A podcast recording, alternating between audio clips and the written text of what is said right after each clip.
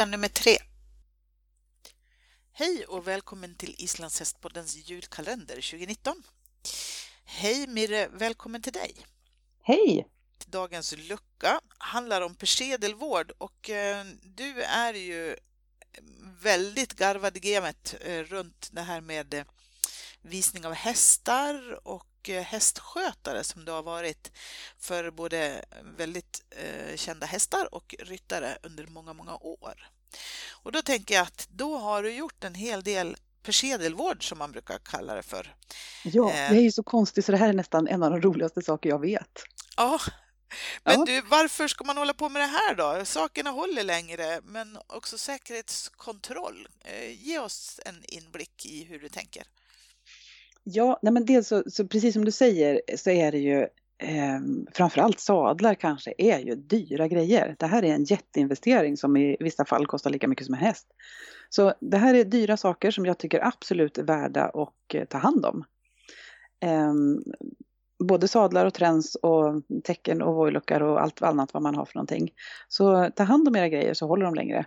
Och det andra är ju precis som du säger också säkerhetsmässigt, att man går igenom sina saker. För läder är ju ett, eh, ett material som kan torka och spricka och gå av och nötas ut.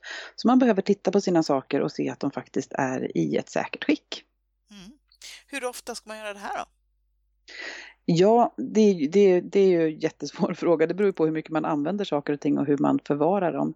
Men man behöver ju göra rent dem när de är smutsiga.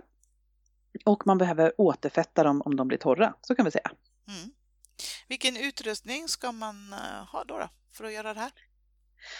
Ja, om man, om man nu ska göra en, en stor rengöring på sina grejer inför en visning eller inför att man ska städa trollkammaren eller vad det är. Då behöver man lite, en bunke med vatten och man behöver lite svampar, man behöver sadeltvål, en glycerintvål. Eh, man behöver läderbalsam och eh, lite mer svampar och någon, kanske någon trasa och duk. Jag brukar också ha en tandborste till hands och lite tandpetare. Mm. Och vad gör du? ja, ja, med tandpetarna? Med tandpetarna, ja. Jag borstar inte tänderna. Jag, jag gör så att jag har en bunke med ljummet vatten. Först, ska jag säga, så plockar jag isär alla sakerna. För att om man ska göra en stor rengöring så är det, då, då är det bra om man plockar isär allting. Plockar av stigbyglarna, tar loss sadeljorden, spänner upp alla spännen på tränset. Och då är det ju en fördel om man vet hur man får ihop det igen. Så, så se till att ni har koll på hur man får isär och ihop saker och att bettet hamnar åt rätt håll och så vidare. Så kolla lite grann hur allting ser ut. Och tycker man att det är, har man bara en häst som man rider med det här tränset så är det ju käckt också att kanske veta vilket hål det brukar sitta på. Eller att man har koll på hur man, hur man anpassar tränset rätt. Så. så jag brukar i alla fall först ha koll på grejerna och så plocka isär allting. Sen tar jag min bunke med vatten och doppar en svamp så den blir helt genomblöt och kramar ur vattnet. För det ska inte vara särskilt mycket vatten utan bara en, en fuktad svamp. Sen så tar jag min glycintvål, min sadeltvål och så gnuggar jag ordentligt så att det blir liksom ett lödder. Det är löddret som, som tvättar, eh, tvättar lädret. Så i med svampen, gnugga ordentligt så det blir massa lödder. Och sen tvättar jag och den ska alltså, då ska alltså lädret bli rent. Mm. Och du lägger inte ner dig om, man, om det är lortigt liksom, i ljummet vatten eh, så att det får, får lösa upp sig. Kan man göra det? Nej, jag gör inte det. Eh, läder är ju ett, ett eh, material som drar åt sig väldigt mycket fukt. Mm. Så risken finns att det blir liksom alldeles fuktigt och uppluckrat. Utan det är ju ytan på lädret som är smutsig och det är den vi vill tvätta. Mm. Så att eh, jag tar jag tar, om man har svamp och lagom mycket lödder, ganska mycket lödder på sin svamp, då räcker det att bara göra ytan. Alltså för smutsen sitter inte inne i lädret. Mm, okay. mm. Mm. Och så gnugga, gnugga, gnugga eh, så att det blir rent. Och man kan ju ta något utsatt ställe och se hur, hur det ser ut när det är smutsigt. Till exempel där tyglarna ligger emot halsen. Där är de ju jättesmutsiga oftast. Eh, så om man tar där och gnuggar ordentligt så ser man vad som händer när det blir rent. Så ska lädret se ut när det är rent under. Och är det så att det blir massa lödder kvar, då tar jag en trasa och torkar bort löddret. Så att man behöver inte skölja av efteråt utan bara torka av löddret efteråt. För det är ju liksom återfuktande ämnen redan i den här tvålen. Så att det är ju vardags, vardagstvätten att bara stryka av med en svamp som är inlöddrad med sån här glycerintvål. Mm. Och bara stryka av smutsen. Så då tar jag min svamp och så eh, torkar av allt överflödigt lödder. Och det är här min tandborste och tandpetare kommer in också. För runt alla sådana här spännen och under de här spänngrejerna som man liksom sätter fast flärpen i. Där, där hamnar flärpen. det ofta. Vilken Flärpen, flärp alltså. pratar du om nu?